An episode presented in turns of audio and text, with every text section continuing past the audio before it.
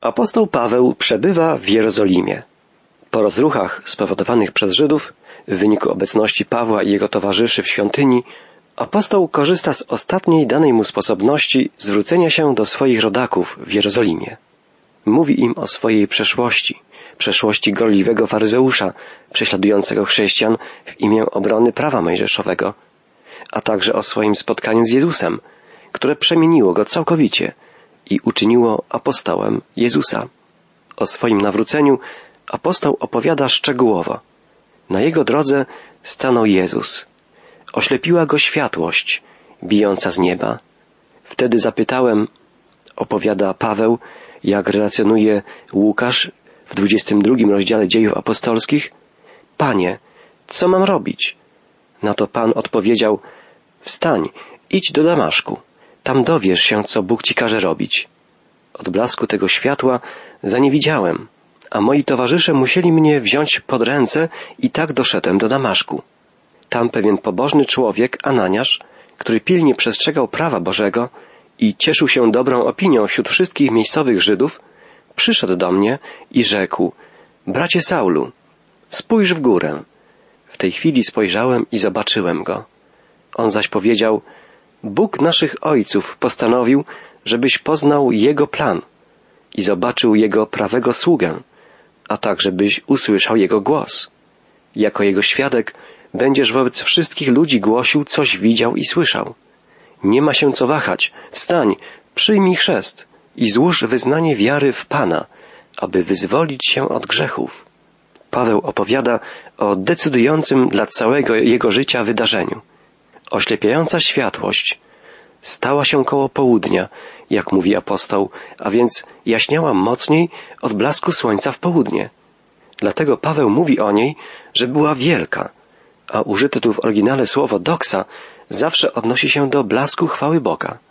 Z relacji wynika jednoznacznie, że to, co przydarzyło się Pawłowi, nie zaszło tylko w jego wnętrzu, ale było tak realne, że zostało zauważone przez jego towarzyszy.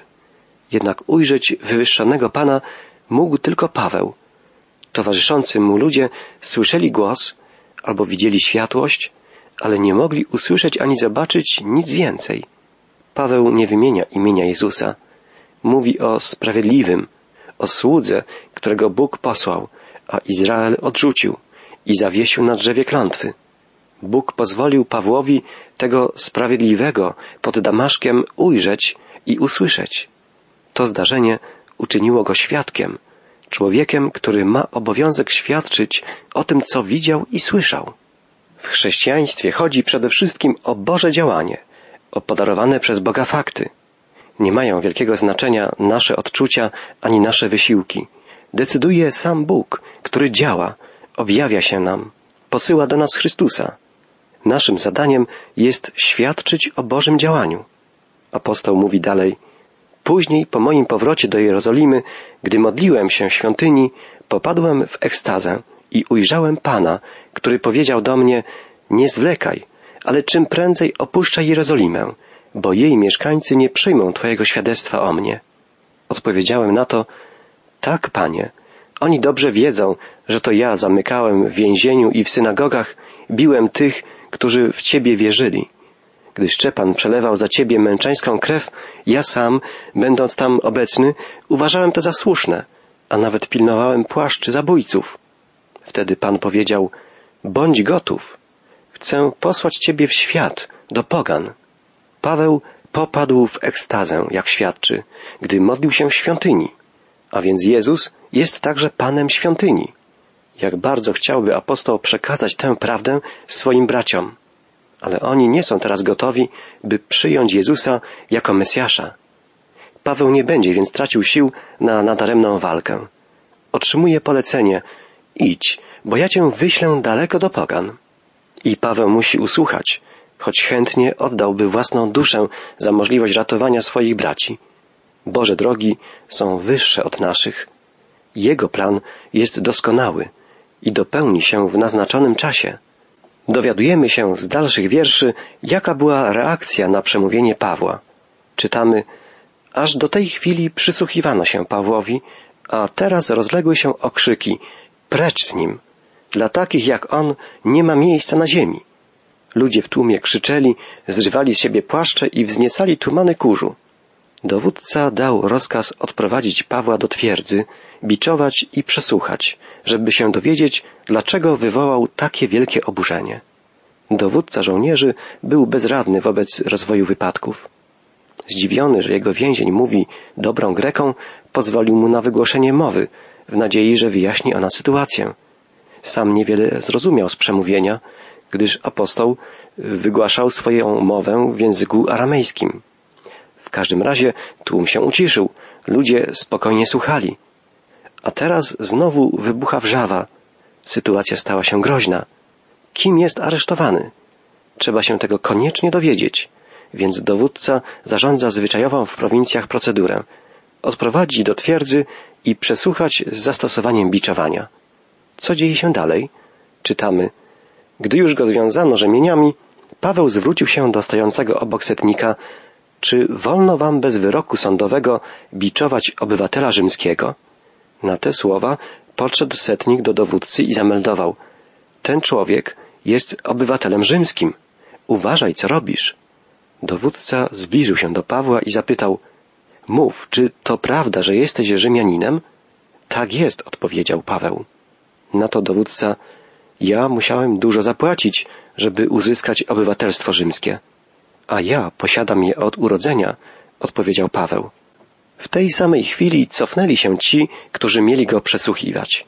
Dowódcę też ogarnął lęk, gdy dowiedział się, że ten, którego kazał związać, jest Rzymianinem.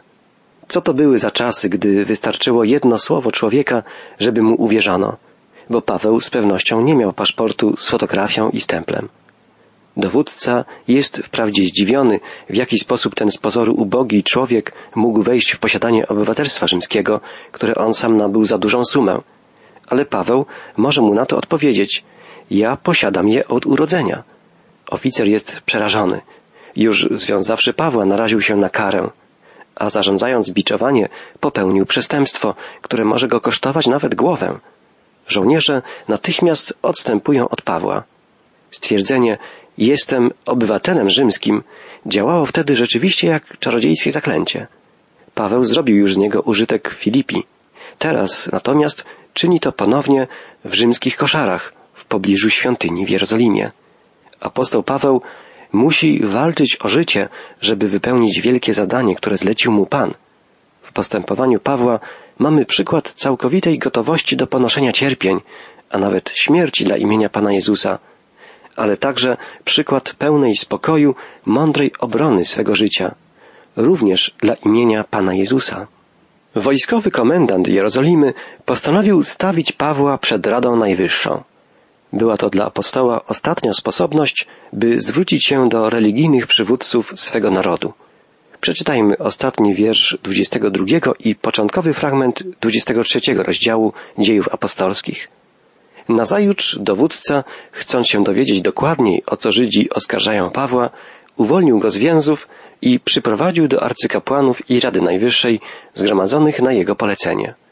Paweł śmiało spojrzał w oczy członkom Rady Najwyższej i rzekł Czcigodni bracia, po dzień dzisiejszy z czystym sumieniem służę Bogu. W tym momencie arcykapłan Ananiasz kazał uderzyć go w twarz tym, którzy stali koło Pawła. Wtedy Paweł odezwał się do niego Sam Bóg cię uderzy, obłudny świętoszku. Zasiadasz tu, aby mnie sądzić według prawa, a wbrew prawu każesz mnie bić? Paweł nie znał osobiście Ananiasza, a arcykapłan przybył na zebranie bez oznak godności swego urzędu. Paweł więc usprawiedliwia się. Nie wiedziałem, bracia, że to arcykapłan. Napisano bowiem, o przełożonym ludu Twego źle mówić nie będziesz.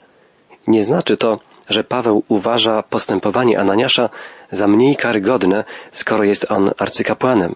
Wprost przeciwnie.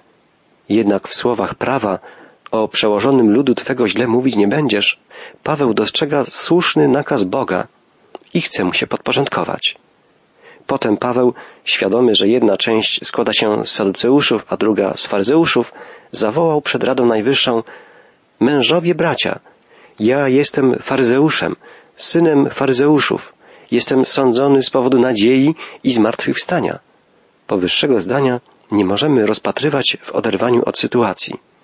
Paweł stał wówczas po raz pierwszy, a przeczuwał zapewne, że i po raz ostatni, przed najwyższą instancją swojego umiłowanego narodu. Czy przyszedł tu wyłącznie jako chrześcijanin, jako niezainteresowany obcy człowiek? Czy jego nawrócenie się oznaczało odejście od Izraela? Dzisiejsi chrześcijanie tak właśnie często patrzą na ten problem. Jednak wszystko, co Paweł napisał w liście do Rzymian, przeczy temu wyobrażeniu. Izrael nie został odrzucony przez Boga.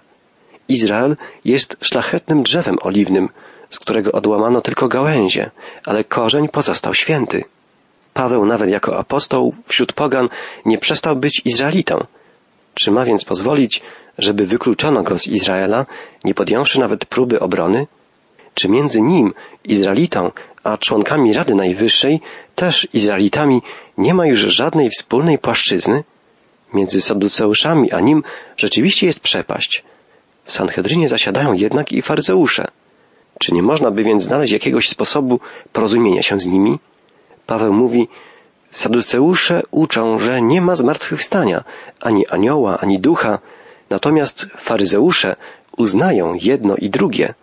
Faryzeusze znają prawdziwą nadzieję, poważnie wierzą w zmartwychwstanie.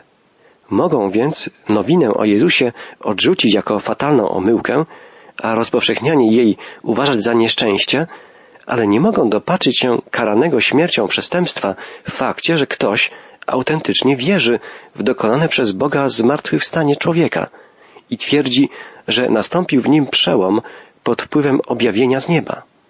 Jest rzeczą niemożliwą i niedopuszczalną, żeby Paweł został skazany przez cały lud Izraela.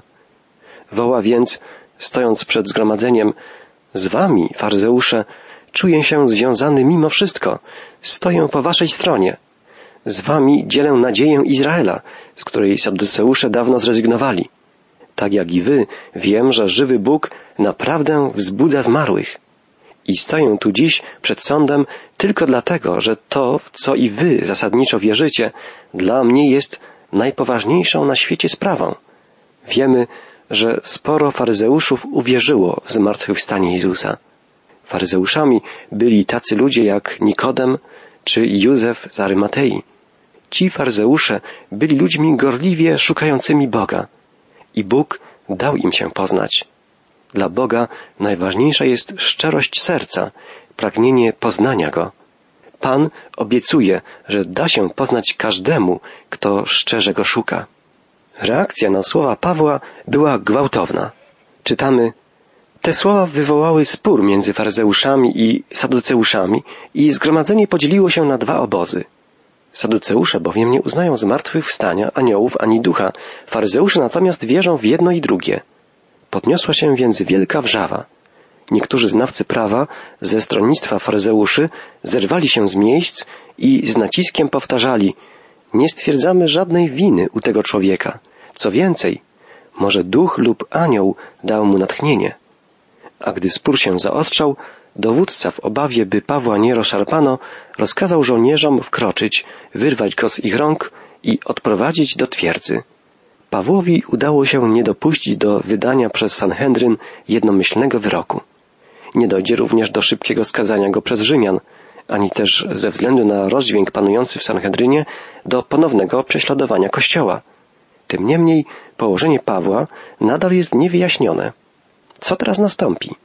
Paweł sam jeden nie był już w stanie wytrzymać tego wszystkiego z niezmoconym spokojem, mimo że na zewnątrz wydawał się opanowany i postępował poważnie. O procesie tym napisał Paweł potem już z Rzymu do Tymoteusza Wszyscy mnie opuścili, ale Pan stał przy mnie. Takie doświadczenie przeżył wtedy po raz pierwszy. Gdzie był Jakub? Gdzie tysiące Żydów, którzy uwierzyli? Gdzie towarzysze z chrześcijańskich wspólnot? Nie czytamy nawet o jednej próbie przyjścia mu z pomocą. Nie słyszymy chociażby o odwiedzeniu go przez braci, jakkolwiek wiadomo, że dopuszczano wizyty w więzieniu. Wielu świadków Jezusa doświadczyło podobnego opuszczenia przez przyjaciół, przez braci. Jakim ciężkim przeżyciem musiało być to dla Pawła, który tak gorąco kochał wszystkich wierzących. Ale Jezus nigdy nie opuszcza swojego wysłannika. To było prawdą w życiu i służbie Pawła. Jest to prawdą, której możemy doświadczać i my. Jak dalej potoczą się losy Pawła? Czy zostanie uznany za winnego jakiegokolwiek przestępstwa? Kto będzie rozstrzygał o jego winie? Namiestnik rzymski? Cesarz? Jak to się wszystko skończy? Wiele pytań pojawia się w tej chwili. Jak to często bywa w wypadku Bożych ludzi, rozwiązanie przychodzi zupełnie nieoczekiwanie ze strony śmiertelnych wrogów apostoła. Czytamy dalej od wiersza dwunastego. Nazajutrz niektórzy spośród Żydów uknuli spisek i złożyli przysięgę, że nie będą jeść ani pić, dopóki nie zabiją Pawła. Tych, którzy się sprzysięgli, było ponad czterdziestu. Przyszli oni do arcykapłanów i starszyzny i tak powiedzieli. Zobowiązaliśmy się pod przysięgą, że nic nie weźmiemy do ust, dopóki nie zabijemy Pawła. Teraz więc całą Radę Najwyższą starajcie się nakłonić dowódcę, by go do was przyprowadził pod pozorem dokładniejszego rozpoznania sprawy, a my jesteśmy gotowi zabić go, zanim jeszcze stawi się przed wami. O zamachu dowiedział się siostrzeniec Pawła. Poszedł do twierdzy i przekazał Pawłowi tę wiadomość. Paweł wezwał jednego z setników i powiedział Zaprowadź tego młodego człowieka do dowódcy, bo ma dla niego pilną wiadomość. Setnik zabrał go ze sobą, zaprowadził do dowódcy i powiedział Więzień Paweł przywołał mnie i prosił, abym przyprowadził do ciebie tego młodego człowieka, bo ma ci coś do powiedzenia. Wtedy dowódca wziął go za rękę, odszedł z nim na bok i zapytał Jaką wiadomość mi przynosisz? Żydzi umówili się, odpowiedział, że poproszą cię o odprowadzenie Pawła w dniu jutrzejszym przed Radę Najwyższą, pod pozorem dokładniejszego zbadania jego sprawy. Ty jednak nie daj się namówić, bo czyha na niego ponad czterdziestu ludzi. Przysięgli oni sobie, że nie będą jeść ani pić, dopóki go nie zabiją. Są już gotowi, czekają na Twoją zgodę. Wtedy dowódca pozwolił mu odejść, ale powiedział, nie mów nikomu, że powiadomiłeś mnie o tym. Dowódca wezwał dwóch setników i rozkazał. Na godzinę dziewiątą wieczór ma być gotowy do wymarszu do Cezarei oddział dwustu pieszych, siedemdziesięciu jeźdźców i dwustu zbrojnych. Ponadto mają być gotowe wierzchowce dla Pawła, aby go bezpiecznie odwieźć do gubernatora Feliksa. Plan, o którym czytaliśmy, był pomyślany sprytnie i groził Pawłowi śmiertelnym niebezpieczeństwem. Jednak Bóg umie uchronić swoich wysłanników przed śmiercią. Spisku uknutego aż przez czterdziestu fanatyków nie można było utrzymać w zupełnej tajemnicy. Dowiedział się o nim siostrzeniec Pawła, który wcale nie musiał być chrześcijaninem i doniósł o wszystkim wujowi. Pawłowi wolno było przyjąć wizytę siostrzeńca. Rzymskie obywatelstwo jednak coś znaczyło. Teraz jeden z nich chętnie prowadzi młodego człowieka do trybuna. Dowódca ma już dosyć kłopotów z tym dziwnym więźniem. Postanawia więc odesłać go natychmiast do namiestnika w Cezarei, który tak czy tak jest jedynym człowiekiem, który w tej zawikłanej sprawie może podjąć odpowiedzialną decyzję. Zgodnie z dobrą wojskową zasadą zarządza przewiezienie więźnia pod silną eskortą, która z góry wykluczyła jakikolwiek atak przeciwnika. Paweł, jak się dowiadujemy, pojedzie na jucznym zwierzęciu między siedemdziesięcioma zbrojnymi jeźdźcami. Dane mu jest przeżyć doświadczenie, które często spotyka Bożych ludzi. Wszystko przebiega zupełnie inaczej, niż mógłby sobie wyobrazić. Opuszcza Jerozolimę nocą w zbrojnej asyście. O trzeciej nad ranem opuszcza miasto i w otoczeniu jeźdźców rusza do Cezarei. Tak rozpoczyna się jego długa wędrówka do stolicy imperium, Rzymu.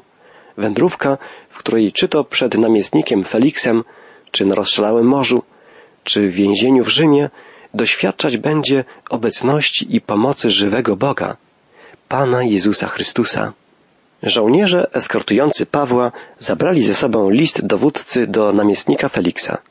Treść tego listu poznajemy z końcowego fragmentu 23 rozdziału dziejów apostolskich. A w ostatnich wierszach czytamy Zgodnie z rozkazem żołnierze zabrali Pawła i pod osłoną nocy przyprowadzili do miasta Antipatris. Na drugi dzień oddział powrócił do twierdzy, a jeźdźcy towarzyszyli Pawłowi w dalszej drodze. Oni to, po przybyciu do Cezarei, wręczyli gubernatorowi list i przekazali mu Pawła. Pomyślmy. Po dwóch tygodniach Paweł powraca do Cezarei, gdzie prorok Agabus zapowiedział, że Paweł zostanie uwięziony w Jerozolimie i że jego życiu zagrażać będzie niebezpieczeństwo. Apostoł rzeczywiście jest już więźniem. Nie został jednak w Jerozolimie uśmiercony. Jeszcze nie nadszedł czas na złożenie życia dla imienia Pana Jezusa. Dowiadujemy się dalej, że arcykapłan Ananiasz i kilku innych członków Sanhedrynu przybyło do Cezarei, żeby skarżyć apostoła Pawła.